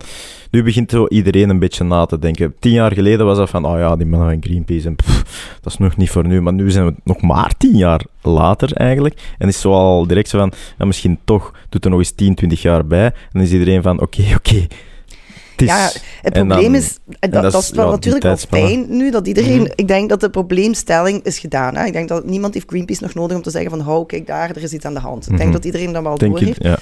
Maar ja, wat nu eigenlijk is, is dat, dat het besef een beetje laat gekomen is en dat de, de window of opportunity om het nog op een goede manier recht te trekken, Mhm. zodat de gevolgen niet te extreem zijn, heel kort is en heel Mhm. klein is. Mhm. Dus ja, als, als, als we ja, 10, gaat een 20, mix 30 worden. jaar geleden begonnen waren, dan was dat een easy transitie geweest. Om dat nu op 10 jaar te doen, zal een hele zware, moeilijke transitie zijn. Hè. Dat, gaat, ja, dat gaat pijn doen. Hè. Dat, dat is ja, het vervelende op dit moment. ja. Ja, ik denk dat dat Maar de realiteit inderdaad, denk je, dat is, dat is weer typisch mensheid. Hè. Maar het is zeker nog mogelijk, hè, want dat is soms een beetje moeilijk. Ja, er zitten sowieso wel soms wel in een doomsday-scenario, media-verhaal. dat is voor ons ook altijd een moeilijke lijn. Want aan de ene kant moeten wij zeggen, maar het is dringend, hè, nog tien jaar. Mhm, en ja. tegen 2030 moet je dit, dit en dit. Maar als je mensen te veel schrik aanjaagt, dan, dan schieten ze in een soort denial van... Het is Freeze. toch allemaal naar de botten, we kunnen beter nog even op stap gaan. En eh, weet je, the end of times. hè. Alles denk opzuipen. en dan, En dan, eh, en dan nu zeker, nu dat Elon Musk bezig is met wauw, we gaan naar Mars, geen probleem, ja, dat pakken iedereen Maar ik denk dat, dat de meeste mensen die dat tof vinden... ah ja, ik denk niet dat, dat Elon Musk zoveel mensen gaat meenemen naar Mars. Dat Nee, gaat veel te beperkt kort, zijn in de sowieso eerste te kort. fase. Ja, ja, absoluut, absoluut. Nee, inderdaad, daarvoor gaat het allemaal wat te tragen. Ehm, ja, het is, het, is, het is typisch mens, hè. Want, allee, Ja, het is een beetje typisch. Ik heb een heel goed voorbeeld. Ik, denk, ik vond dat een, een heel, heel cool boek. ehm, eh, van Yuval Harari, Homo sapiens ja, en Homo Deus. En zo twee boeken. Maar daar stond een heel tof voorbeeldje in. Ehm, en dat ging over als je zo'n een petrischaaltje hebt. Hè, je kent dat al zo uit de biologieles met de voedingsbodem. Ja, ja. En, en je doet daar eh, een, een kolonie bacteriën in. Die vermenigvuldigen, vermenigvuldigd als ze aan de rand van dat schaaltje komen en het eten op is en dan sterven die uit. Ja. En eigenlijk zijn wij als mensheid exact hetzelfde aan het doen met ons planeet. Hè? Je hebt hier van alles voorhanden. We zijn ons aan het vermenigvuldigen en uitbreiden en alles gebruiken tot als het op is en zit je dood. Dus ik vind het een beetje een uitdaging voor de mensheid. Valerie Del Rey, dames en heren. Ik vind het eigenlijk een, een, goede uitdaging voor de mensheid, die zichzelf toch wel hè, de meest intelligente en vergeven soorten Ja, ja, van alle dierensoorten zijn. We zijn vinden, om te bewijzen dat we het, het basisintellect van een bacterie kunnen overstijgen. Ja, ja. Om niet in, in diezelfde padstelling terecht te komen als een bacterie Nee, in dat een hè. petrischaaltje. Ja. Dat is En, en grappig, daar volg Ja. ik wel in. Dat, zo de, tra- eh, ja, de tragedie van gewoon mens zijn, waarin dat we Mhm. wel het weten beten, maar ons er Dat we- zelden naar gedragen. Ik denk dat, denk dat We- iedereen zich er wel in kan We vinden. denken dat we een bewustzijn hebben, maar uiteindelijk, als je het grote geheel bekijkt, en daarmee wil ik zeggen het heelal, zijn we inderdaad maar die bacterie dat ons ding aan het Ja. doen is. Maar ik geloof ook ik heb wel het geloof in de mensheid dat dat kan. Hè. Allee, je, je ziet heel veel goede voorbeelden. Er is ook Want ja, allee, dat was ik eigenlijk aan het zeggen. Er is heel veel miserie en je hebt maar tien jaar tijd en de dringendheid. Uh, maar er is ook wel nog hoop. En je ziet ook wel meer en meer ja, goede voorbeelden ontstaan. Hè? Um, voorbeelden van uh, coöperatieve bedrijven die wel op een goede manier kunnen ondernemen, wat ecologisch is, uh, van um, ja, ook technologie die daar een Mhm. rol in speelt, van, van de goedheid van mensen die elkaar helpen. Allee, Mhm. Dus ik denk wel dat dat dat, dat kan en dat we dat als mensheid in. Het is een Ja. beetje good versus evil. Hè? Ik ben zo'n beetje Star Wars Maar ik ga... fan, dus dat is Oeh, altijd- gaat Goeie match dan hier. Uh, misschien, misschien heel even... Om- het is, het is, wat ik nog één ding bij zeggen. Eh, het is ook wel het, het ding waar dat je een, een extraatje misschien hebt gekregen naar, naar, een, naar het goede voorbeeld. Is zo heel veel bedrijven, zal ik zeggen, de afgelopen tientallen jaren, hebben ook vaak gewoon puur imago-wise al die acties beginnen ondernemen. Mhm. Puur imago-wise, zonder eigenlijk echt om te caren. Maar nu dat het effectief zo dicht tegen onze neus staat, ehm, is dat imago-wise ineens omgedraaid zo naar effectieve bewustwording en, en effectieve eh, participatie daarin. Dus dat vind ik ook wel... Oké, Ja, ja. door, door een negatief iets, hè, door een andere doelstelling, om gewoon puur meer winst te maken, om van, hé, hey, we zijn ermee bezig, hahaha. Om, om dat nu effectief waarheid te zien, dat is ook wel goed, denk ik. Dus, dus Ja, dat is is- ook wel grappig om te zien. Er is bij heel veel mensen echt wel een klik gemaakt, Mhm. maar we moeten nog altijd wel wat voorzichtig zijn met greenwashing, want dat is er ook nog altijd Ja, wel bij heel absoluut, veel. Allee, ja. Is daar naast- een, een term voor? Greenwashing? greenwashing? Greenwashing. Maar- Ja, ja, greenwashing is, allee, ja, weet ik veel, eh, be- bedrijven die dan ineens naar buiten komen. Ik ben het merk vergeten, maar het was een groot sportmerkenbedrijf. En die zijn dan keihard aan het stoeven dat ze een mobiliteitsplan hebben voor alle medewerkers om met de trein te komen. En dan denk ik van, ja, je zou beter eens naar kijken van waar je grondstoffen komen. En wat dat teweeg brengt in de wereld en hoe je omgaat met kinderarbeid. In plaats van te stoeven, Mhm. dat je het mogelijk maakt dat iedereen met de trein naar het wij... Allee, dat, Maar Ja. het imago is vandaag belangrijker dan wat Ja. er echt is. Dat is Klopt. zo. Ja. Nu, ik ben sowieso eerder een optimist, maar ik ben ook een realist. Dus ik wou heel even ook nog iets anders vragen, maar teruggaan over, eh, over het vorige. En dat is eigenlijk... ehm, Greenpeace, main mission, save the planet. Hè? Kunnen we het daar zo over eens zijn? Ja, ja. Mm. Maar de, de vraag is uiteindelijk, wat ik mij vraag... en Ik denk dat we het ook eens kunnen zijn over het feit dat de aarde geen bewust... Ah, dat is misschien al complex, maar geen bewustzijn heeft. Ik zou dat durven stellen. ja, dat hangt Ja. van je spirituele Voilà, we voilà. moeder Als- als het heel er erg- straks. Zijn mensen die er anders over nadenken. Inderdaad, ik, nee, ik ben agnostisch op Nee, dat maar vlak. het is ook een heel ecosysteem. Dus eigenlijk heeft het misschien wel een soort van bewustzijn. Maar laten we even zeggen dat het niet kan nadenken over zichzelf. Laten we dat even stellen als bewustzijn. Dus ik zou durven stellen: de aarde doesn't care of het hier warmer wordt, kouder, of Ja, er is meer storm is of niet. Dus ik vraag me eigenlijk af: is Greenpeace eigenlijk de aarde aan het redden of gewoon onszelf? Ja, eh, Waarbij ik dan wil zeggen, hè, omdat het altijd heel altruïstisch lijkt, Ja. maar eigenlijk is het gezond egoïstisch. Maar er is niks mis ja, als er een win-win situatie het gaat is. een maakt het uit, om de is- mensheid te redden ook. Hè? Ik En, denk gewoon en, beide, hè. je kunt beide. en, maar wat wat Greenpeace eigenlijk in zijn, in zijn basiswaarden heeft zitten, is het harmonieus samenleven eh, van mens en natuur. Dus het gaat een beetje om de twee en de visie dat wij daar onderdeel van zijn. En ik denk dat dat wel een belangrijk bewustzijn is, wat, wat en da- daar zitten twee strekkingen in. Hè. Zo, je hebt mensen die, die denken dat ze de heersers van de planeet zijn. Mhm. En dat ze de natuur kunnen bedwingen en overmeesteren en naar hun hand zetten. En je hebt mensen die zeggen, wij zijn daar onderdeel van en we moeten eigenlijk met respect voor Ja, we zijn ook gewoon een dier, hè. we ja, we zijn ook gewoon een dier. Sure. Ja. En ja, dat zijn, ze noemen ze al een- de, de wizards eh, en de profeten. Hè. De wizards die denken dat ze met technologie moeder aarde in een, in een tuig kunnen steken en bedwingen. En, Mhm. en, en de profeten die zeggen van nee, we moeten zorgen dat we harmonieus samenleven. Hm. Ook Greenpeace zit eerder aan de harmonieus samenleven kant, eh, natuurlijk. Maar, maar- ja, dat is een goed argument ook. hè. Maar ik denk niet dat veel mensen daar Green- tegen zijn. Greenpeace is eigenlijk onze profeet. Dat lijkt me wel extreem. Nee. Maar, eh, nee, nee, eh, nee. Ik, ik, ik, ik- Ik volg. ik bevind mij ook wel eerder in die kant dan, dan echt zo het willen allemaal controleren. Hè? Ehm, ja, ik ben gewoon realistisch. Welk kamp zou je meer... Oh ja, maar ik weet gewoon ook... Ik vind dat wij ook in de eerste plaats geen recht hebben op bestaan. Mhm. Ehm, Oh ja, dus, dus, voilà, ja. klaar. Dus Ja. harmonieus samenleven dan. Ja, ja, en, en Mhm. allee, wel technologie maakt daar een onderdeel van uit voor, voor mij. Hè? Want allee, Mhm. windmolens en zonnepanelen dat is ook technologie. Hè? Maar je kunt technologie gebruiken om die harmonieuze 100 samenleving Kan alleen maar beter, bevorderen. beter Er te mag maken. progressie hè. zijn, maar het hoeft niet per se negatief te Ja, zijn. wel, progressie. we moeten een beetje stoppen Ja. met uitbuiten. En dan- denk- daar gaat het eigenlijk Ja. over. Hè? En samenleven in plaats waar. van uitbuiten. Uitbuiten is Ja. een heel goed woord. Plus, Ja. plus onze verslaving een beetje aan snelheid. Ik denk, alles moet snel gaan. Dat heb je op vlak van, eh uw delivery moet er direct zijn, maar ook eh, op ter plaatse zijn. Je hebt maar 10 uur eh, of eh 15, 15, 16, 17 uren per dag. Hè. En ik moet die opgevuld krijgen, dus al moet snel gaan en dit en dat. En onze verslaving daaraan Ja. gaat denk ik ook wel vaak ten koste daarvan. Hè. Van de processed food dat je dan eet en dit en dat. En in alle opzichten dan eigenlijk. Onze onbewuste Ik denk, als we nu eens gewoon allemaal wat kalm doen en gewoon Doe allemaal is beseffen... gewoon normaal. Ja, gewoon even gewoon wat kalm doen, even een step back. Zo van, we mogen ook gewoon wat leven en, en wat rustiger aandoen, in plaats van constant zo Ja. in die red race te zitten, waardoor de, al die negatieve gevolgen er zijn. Dat zijn een aantal waarden waarmee wij doordrongen zijn. Zo, hè? Van we moeten allemaal, we waren er in het begin over bezig, hè? Dat, we- dat- zowel ik toen ik 27 was, Mhm. dat, als jullie niet kunnen wachten om zo snel mogelijk Iets te doen. te Ja. zijn waar Ja. je wilt zijn Mhm. en succesvol te zijn en bla bla bla. Maar ja, dat zijn waarden die ons opgelegd worden, een stukje door, door een cultuur, door een wereld van Mhm. ah, je, je moet. Ja, succes, hoe, hoe meet je dat vaak af? Door hoeveel Mhm. geld je hebt, door hoe cool je job is, hè, door hoeveel Mhm. vrienden je hebt, door hoe coole vakanties dat je doet en hoe vette Instagram-pictures dat je Ja. erop zet. Dus ja, dat zijn allemaal... Nou, hoe ja, cooler dat we wall is, hoe beter. ja, hè. en dat zijn allemaal eigenlijk oppervlakkige, vaak Sowieso.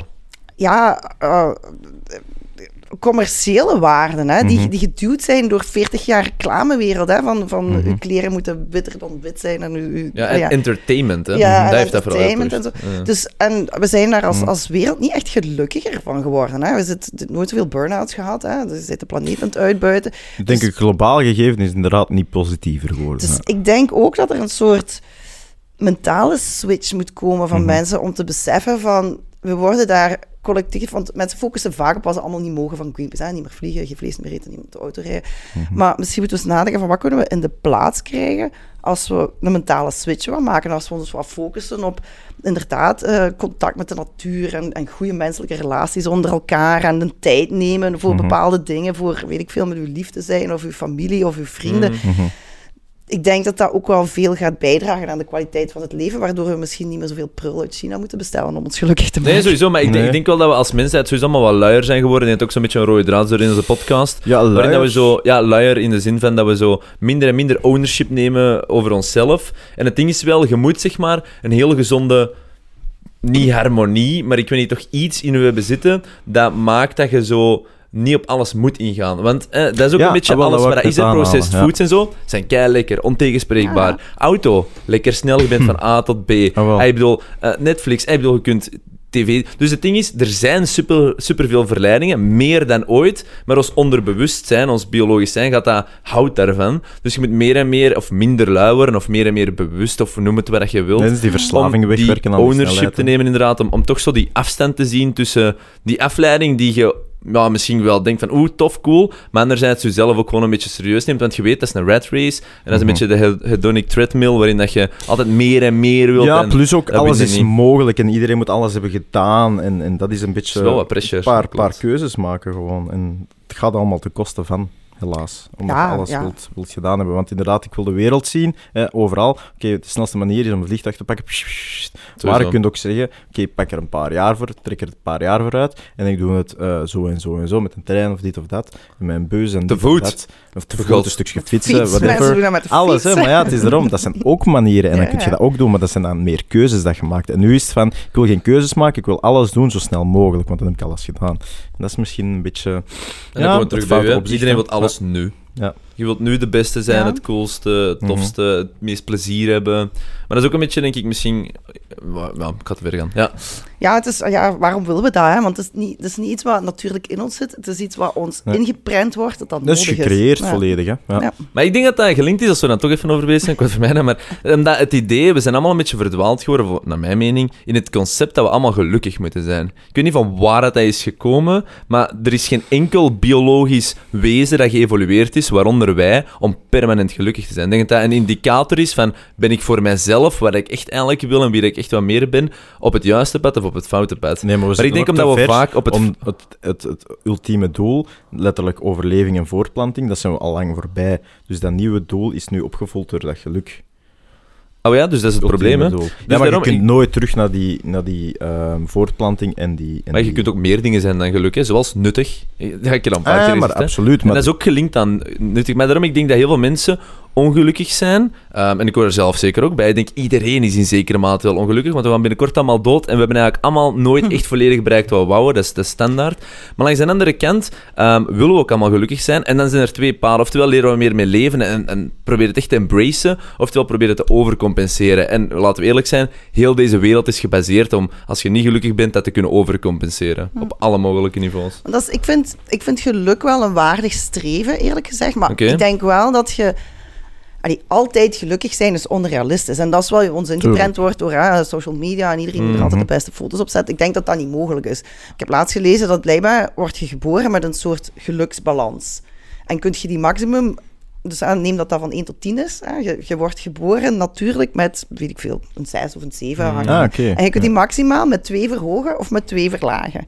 Dus eh, als je dan mindful gaat zijn en mediteren en weet ik veel allemaal doet, dan kun je maximaal twee erbij krijgen. Dus sommige mensen zijn gewoon inherent gelukkiger dan andere mensen. Dat is blijkbaar iets, bio, iets wat je biologisch Ja, je hebt ook optimisten en pessimisten. ja, en- Ik vond dat... blijft een chemisch niet stofje in, de- in je hersenen Ja. uiteindelijk. Ja, ik heb een andere studie gelezen, maar die zegt niet helemaal hetzelfde, maar komt er wel bij, bij hij sluit er deels bij aan, denk ik. En dat is zo wat, als je je totale geluksbalans hebt hoe dat je leeft, 50% is inderdaad je, je genen en 50% is wat je doet. En die ene 5% kun je totaal niet invullen, dat is gewoon, eh, ik bedoel, dit, dit zijn de Mhm. kaarten dat je hebt gekregen en de andere 5% kun je wel opvullen. Maar Maar- het komt er altijd op neer, er is een soort van basis, maar als je er niks aan doet, ga je zeker niet nog on- eh, gelukkiger worden. Maar wat ik eigenlijk wel, allee, waar ik eigenlijk naartoe wil gaan, is dat ik geluk wel een, een waardevol doel vind. En ja, er zijn ook ah, zo na- bruto nationaal geluk. Hè. Ze hebben daar Ja. eh, Mhm, experimenten mee gedaan.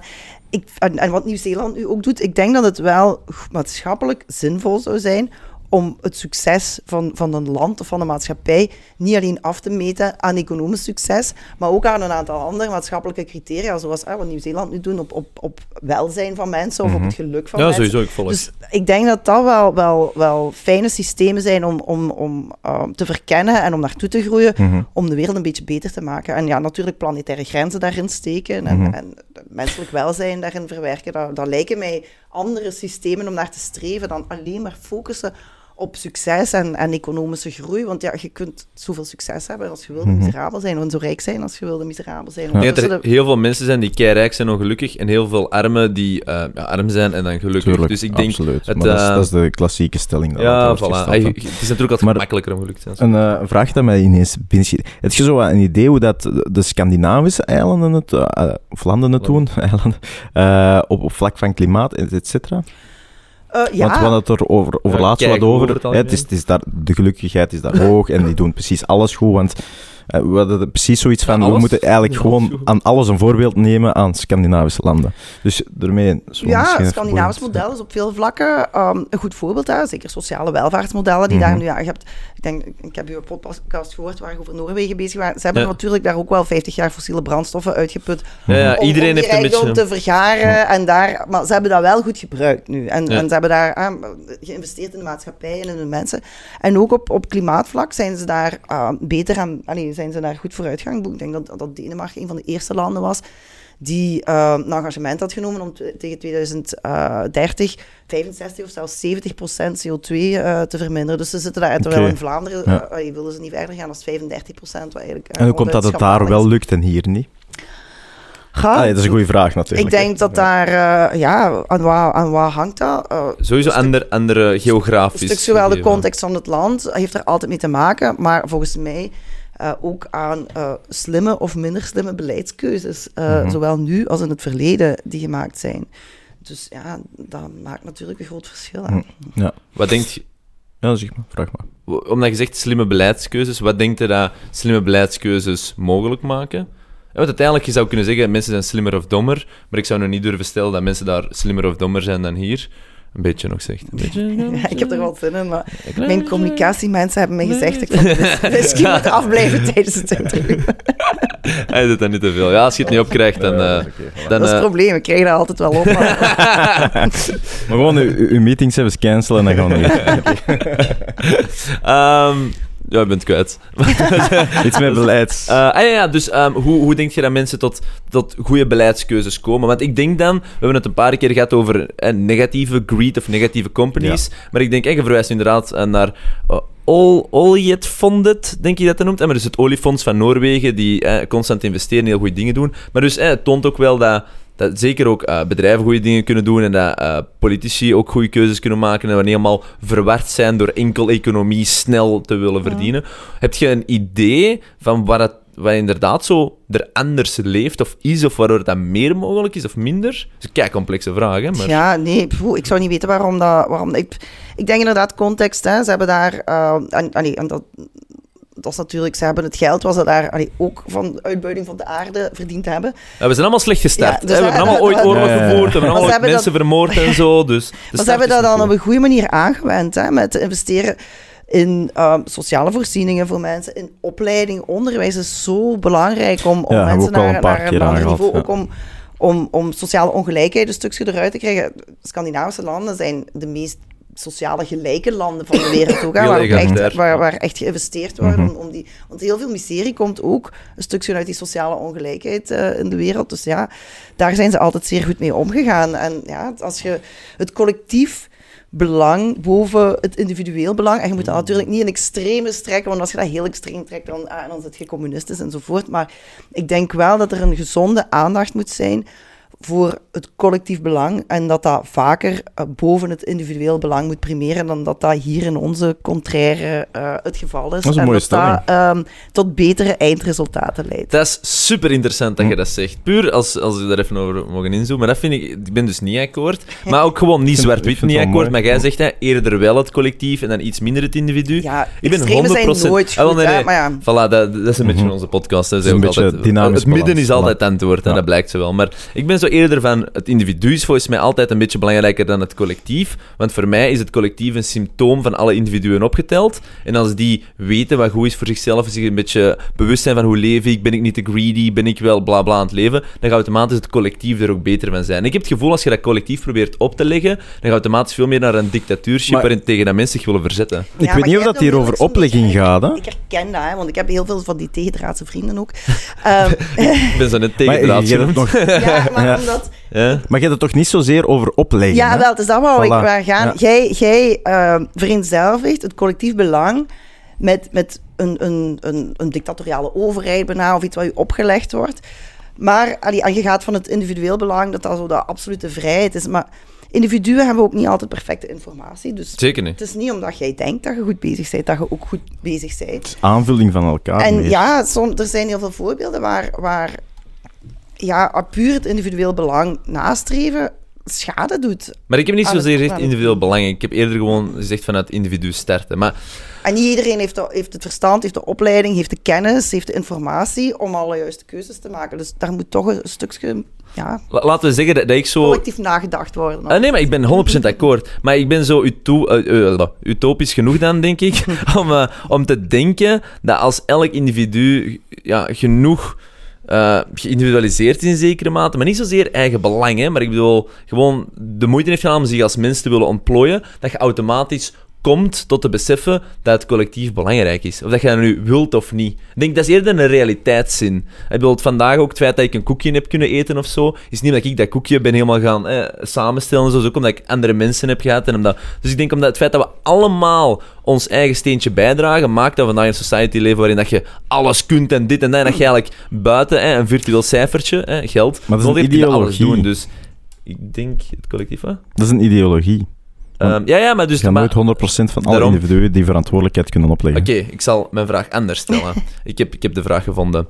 Je zegt van het collectief, dat mag wat meer aandacht krijgen. Hoe denk je dat we daar geraken?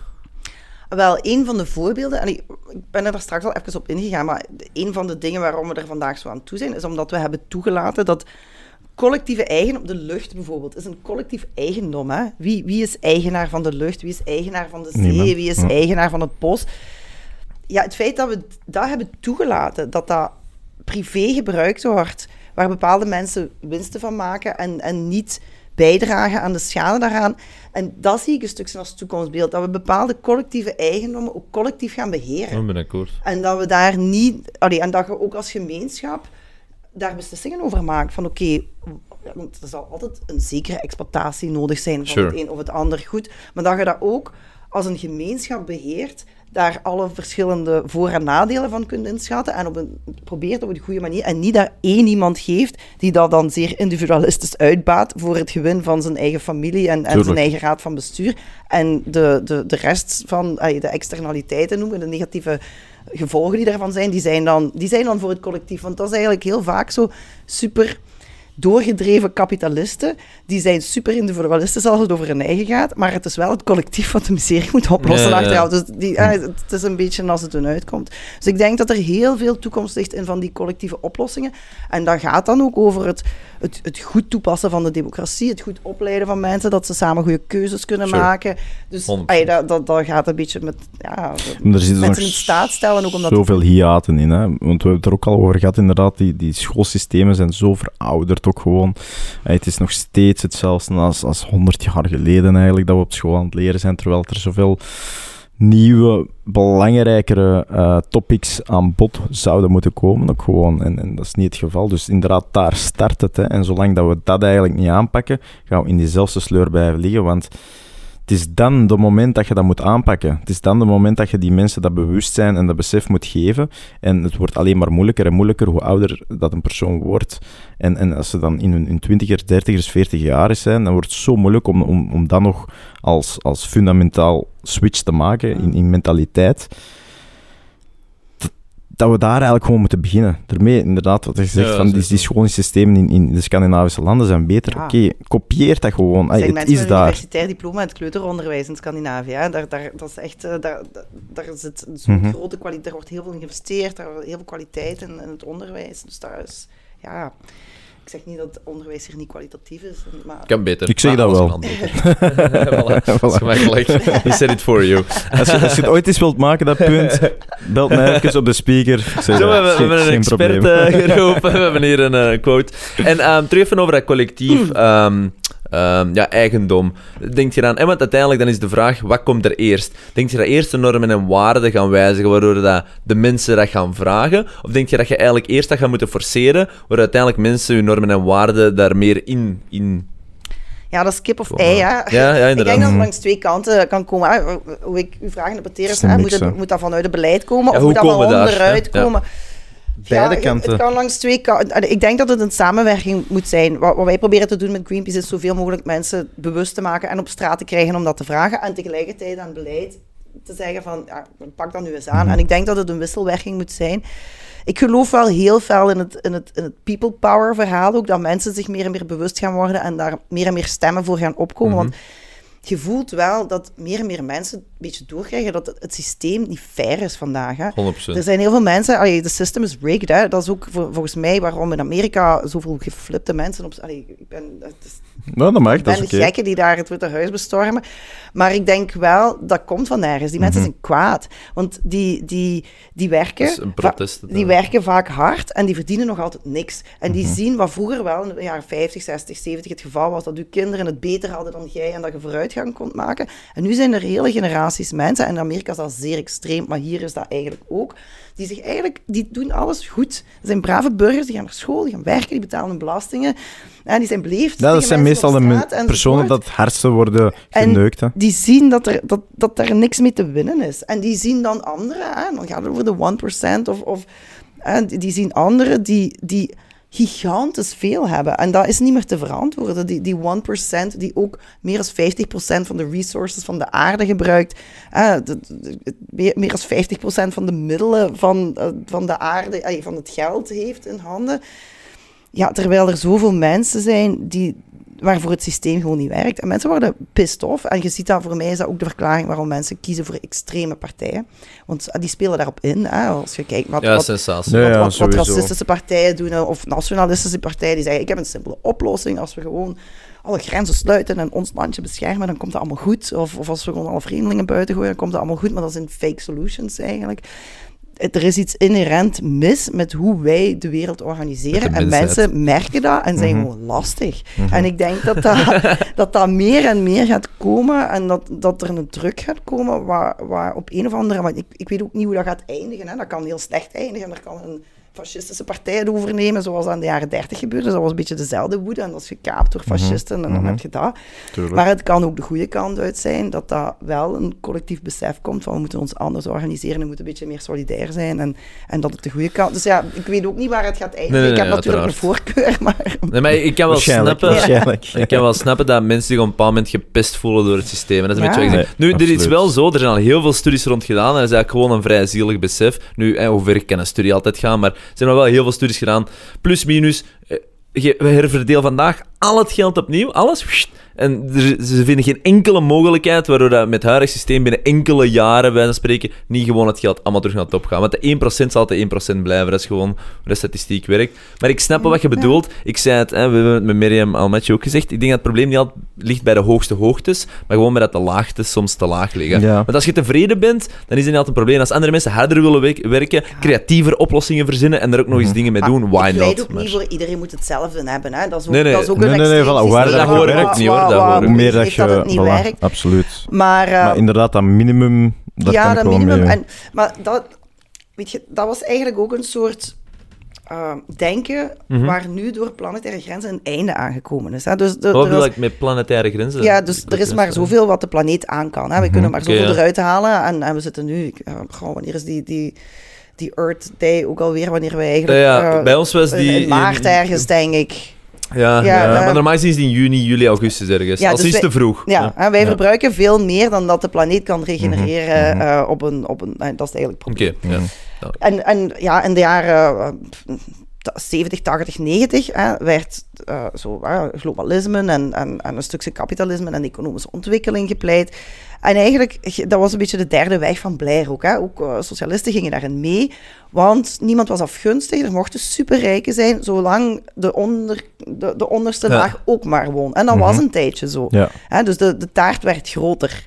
En Mhm. iedereen, hè, en ook als iemand een groot stuk had, maar het kleinste stuk Mhm. werd ook groter. Maar doordat je nu met je planetaire grenzen zit, is dat niet meer. De taart wordt niet meer groter. Ja. Dus dat, dat geloof van, oké, laat de rijken maar rijker worden, dat is niet erg, want Mhm. de rest volgt wel, dat gaat niet meer, want er is maar een eindig aantal... De, de- de taart wordt niet groter, dus Ja. je gaat moeten herverdelen. Als je de, de laagste naar omhoog wilt trekken, gaat je moeten herverdelen, want er komt niet steeds Je bedoelt, meer bij. je bedoelt dat alles, ehm, dat, dat, eh, je wilt zeggen dat het economisch systeem te hard gelinkt is aan grondstoffen dan? Ja, ja. Want ik denk ook, er worden vandaag ja, heel veel eh, rijkdom ook, gecreëerd, niet eh, gelinkt aan grondstoffen. En met dat de hele digital world is aan het opkomen, dat die hardware Mhm. waar we dat draait, is allemaal van grondstof, ontegensprekelijk. Maar er wordt heel veel nieuwe economie gecreëerd Ja, vandaag ja. wel. Ehm, kan, maar er zijn ook wel, ik heb laatst een studie gelezen, dat Hmm. Ja, eigenlijk groene economische groei heel, heel moeilijk is, omdat eigenlijk economische groei vooral nog gelinkt is aan grondstoffengebruik. Dus, Maar dat, is- dat zal wel zeker, als je de globale economie bekijkt, zal dat zeker Ja. een punt hebben, ontegensprekelijk. dus ja, daar is, je gaat, als je dat wilt oplossen, gaat je moeten herverdelen. En ja, ik denk ook dat dat onvermijdelijk is, want het is, eigenlijk is dat geflipt. Hè? Dat is 1%, dat is inherente minderheid. En er is dan 99% van de wereld die daar eigenlijk de nadelen van voorziet. Als die 99% op een dag zegt, het is gedaan, is het gedaan. Nu, ik denk wel... Ja, het is, ook, het is ook een beetje de, de- die inflatie dat er nu zeker gaat aankomen. Is ook van eh, we drukken maar bij, drukken maar bij, drukken maar bij. En de, de 1% zal ik zeggen, die, die heeft wel zijn manieren om die inflatie tegen te gaan, omdat ze de, de resources hebben om te herinvesteren.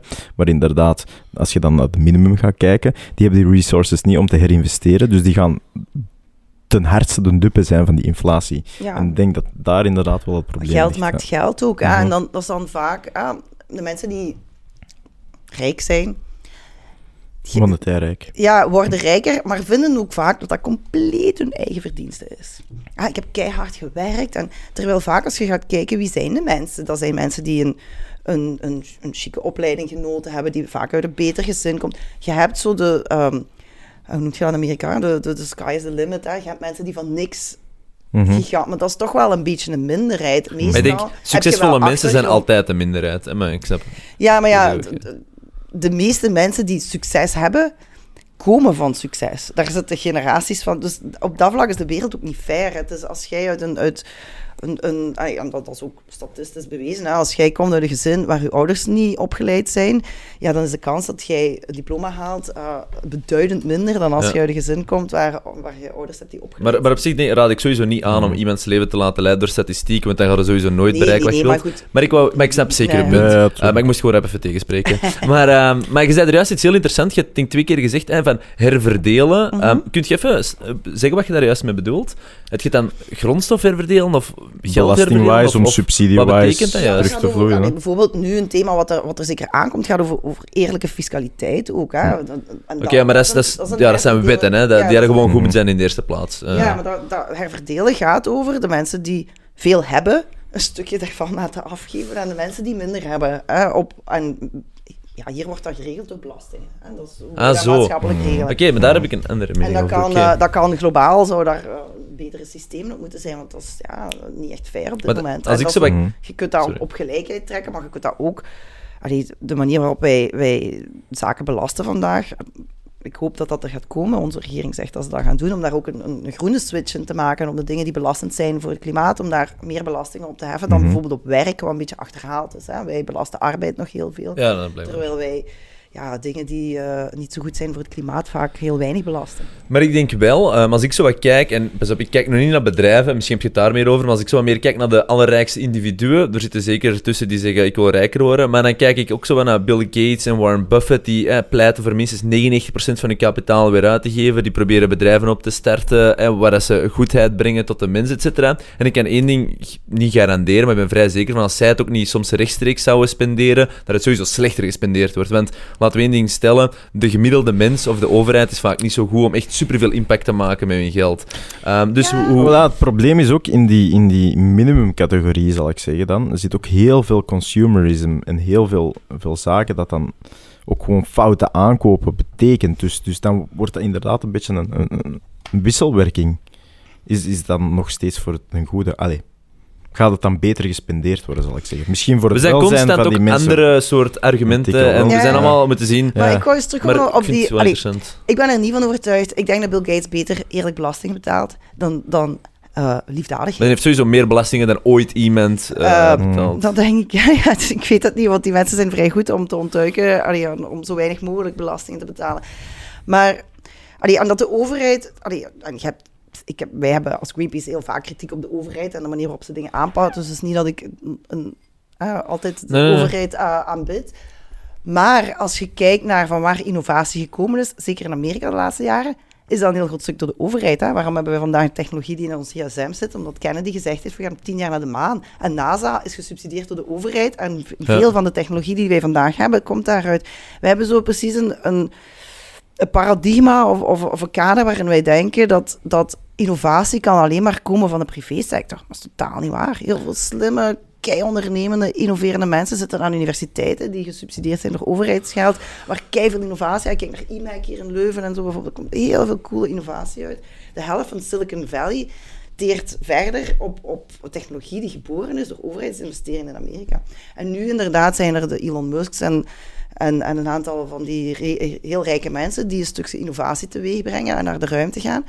En dat wordt dan een beetje verafgod, omdat dat jongens met veel geld zijn die een beetje een hobby, eh, een, een hobby cultiveren. En ik zeg Nee, nee, nee, maar in zekere mate... ik vind dat, ik. vind dat ik ook wel cool. Ja, nee, en- allee, ja, op zich ben ik daar dubbel en ik ben een beetje een sci-fi fan, dus ik vind het allemaal cool als mensen naar de ruimte gaan. Maar vanuit Greenpeace hoek vind, is dat soms Ja, toch maar je hebt net wel... het voorbeeld van NASA aangegeven, dus misschien ontdek ik ook weer iets Mhm. nieuws met naar Mars te gaan. Ja, ja, ja, dat kan zijn. Dus dat, het is niet zo zwart-wit dat alleen maar privé eh, de innovatie heeft en dat de overheid de facto... Je hebt zoiets als een investerende overheid Nee, nee, maar... eh, en en daar kan heel ons Vlaams innovatie beleggingsfonds doet ook echt Ja, heel goed. Hè? ja, maar ik wil maar is- zeggen, ik denk dat we heel veel structuren vaak vandaag in een zware bureaucratie zitten, waardoor dat er eh, innovatie beperkter is. En je merkt dat ook, wie innoveert vandaag? Af en toe de grote bedrijven, maar voor het algemeen start-ups. Hè? Mensen die eigenlijk totaal niks kunnen, geen impact hebben, geen kapitaal. En dat zijn eigenlijk zo de innoverende machten.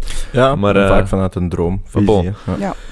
Goed, dat was een heel intens gesprek. En allemaal zo door elkaar, maar ik vond het eigenlijk wel interessant. Super boeiend. Eh, ja, we kunnen zeker nog doorbabbelen. hè, maar, we kunnen blijven gaan. ja, dat voelde wel. Ja, ja. Ehm, ja, ik, Dus, ik eh, hoop dat het zeker ook een beetje nuttig was, omdat ik wel voelde dat we soms zo... We zijn hier en daar van een hak op een tak. Nee, niet per se een hak op Ja. tak, maar het is soms complex, want iedereen wil zo... Het, eh, soms is er zo één vraag, maar vanuit een invalshoek dat je dat Het is bekijkt ook een, met andere een vragen. complexe materie gewoon, weet je. we hebben het er is, heel er is ook gewoon geen juist antwoord nog niet. Of, of niemand kan een juist antwoord bieden. Ja, als iemand het, recept in zijn zak had steken, Voilà. dat was het dan. Hè. Misschien, misschien een leuke, twee leuke vragen nog voor het eindigen, maar je mocht je relatief Twee kort antwoorden, tenzij dat je langer wilt zeggen. Maar één, wat is de grootste kritiek dat je zelf op Greenpeace zou geven? Hmm. Hmm. Ik denk dat, dat Greenpeace ook wel wat innovatie kan gebruiken, nu we het daarover hadden. Ehm, en wij gaan dat zeker, we zitten nu in een fase waar we ons volgende drie jaren plan eh, moeten, Mhm. moeten ontwerpen. Ehm, dus ik, de uitdaging om ook technologie te gebruiken in, ons, in onze acties bijvoorbeeld. Eh, maar ook in de manier hoe we met mensen Cyberattacks. Ja, allee, Nee, nee, het dat is is niet dat we dat nog nooit verkend hebben, maar er staan heel zware straffen op. Dus dat is... Ja, dat is wel, ik wou even zeggen van, oh, we Hey, hebben hey, een yo. exclusive. Yo, Dus boys van Anonymous, eh Nooit kunnen jullie even helpen? zijn wij niet. Deze klinkt echt verdacht. Ja, dit is wel eh, de primeur. Dus, morgen zou je een mailtje kunnen een stukje eruit halen. Heb je, al, heb je al contact gehad met mensen van Anonymous? Nee, nee. Ah. Maar Eh, als die geïnteresseerd zijn om voor onze actie te voeren, mogen die bij deze, contact Wacht, gewoon eens duidelijk zeggen, dan, dan hacken die dat wel. Anonymous, we have a request. Ja, pas op dat Oké. ons niet hacken, hè. En, ehm, Eh, dus ja, Nee, technologie ook in onze werking binnenbrengen, ehm, denk ik dat dat een belangrijke is. En dat kan gaan zowel in actie voeren, maar ook ja, hoe we met mensen omgaan. Hè. Dan gaat het over data, databases, de juiste boodschappen naar de juiste mensen. Allee, dat, dat soort zaken zijn wij nu, nu aan het ontwikkelen. En ik denk dat we daar, wij bestaan eh, wereldwijd 50, 50 jaar, nu ja. Dus het is voor ons als organisatie ook wel een beetje... we is allemaal een beetje in die bureaucratie geraakt en nu moeten zelf terug eruit Wel een vinden. beetje Allemaal een- begonnen met een vissersboot. heb ik Ja, gelezen ja, ja, het- ja, ja, met een vissersboot en een paar gekke idealisten. Ja. de meeste goede dingen beginnen. Ja, ja, ja. Altijd. En dan Iedereen denkt altijd dat ze het geëvolueerd naar een, eh, een, ja, een bekend dat iedereen kent op 57 landen. Ja, niet slecht. Op 50 jaar. Ja. Stevige groei ook. Ja. En dan misschien eh, de, de allerlaatste vraag. ehm, is gewoon, en je hebt nu misschien wat negatiever moeten zijn, maar dan, eh, wat is zo, zeg maar, de, de boodschap die, die jij zelf door Greenpeace, gewoon door op deze podcast en door je leven te leiden, wilt, wilt achterlaten, meegeven? Wat is een beetje uw... uw... Ja, ik denk dat we het er veel over gehad hebben, maar volgens mij de belangrijkste boodschap om nu de wereld in te sturen is dat, dat we voor een, een, een transitie staan die een inspanning zal vergen, maar dat dat ook wel positieve mogelijkheden geeft op een betere en aangenamere wereld. En dat het hoog tijd is, maar dat het wel nog kan. Ja, zeker. Ik denk, ik denk als er één, één ding is dat een mens altijd wel in slaagt, is zichzelf te overstijgen op de een of andere manier. Zij het soms in het negatieve, maar zij het ook zeker in het positieve. denk en de wereld wordt alleen maar beter, dus ik heb er geen schrik van dat we daar ook in gaan slagen. Ik denk dat het inderdaad gewoon eens tijd is om, om wat samen te komen. Ja, En voilà. om Het is, het is goed geweest. Ja, daar kan ik dat. eh, om, om samen te komen. We hebben de, ik denk, eh, in, in oktober is het nog eens een zeer grote klimaat, eh, klimaatbetoging in Brussel. Dus dat zou een goed moment zijn om samen... persoonlijk Allee, het verkeer wat pesten. nee, maar Ja, dan, je moet niet met de auto in Brussel zijn. Dat is openbaar vervoer. Goed argument, goed argument. Alright, goed. Goed. Valerie Valerie. super hard bedankt om eh, langs te komen. Ik vond dat het zelf ook tof vond. Super En interessant. ja. sowieso, ja, tot in, eh, wat was het dan? Oktober, november. Nabij, nabij, nabije toekomst. Ja. Alright. Voilà, prettige dag. Merci. Bye.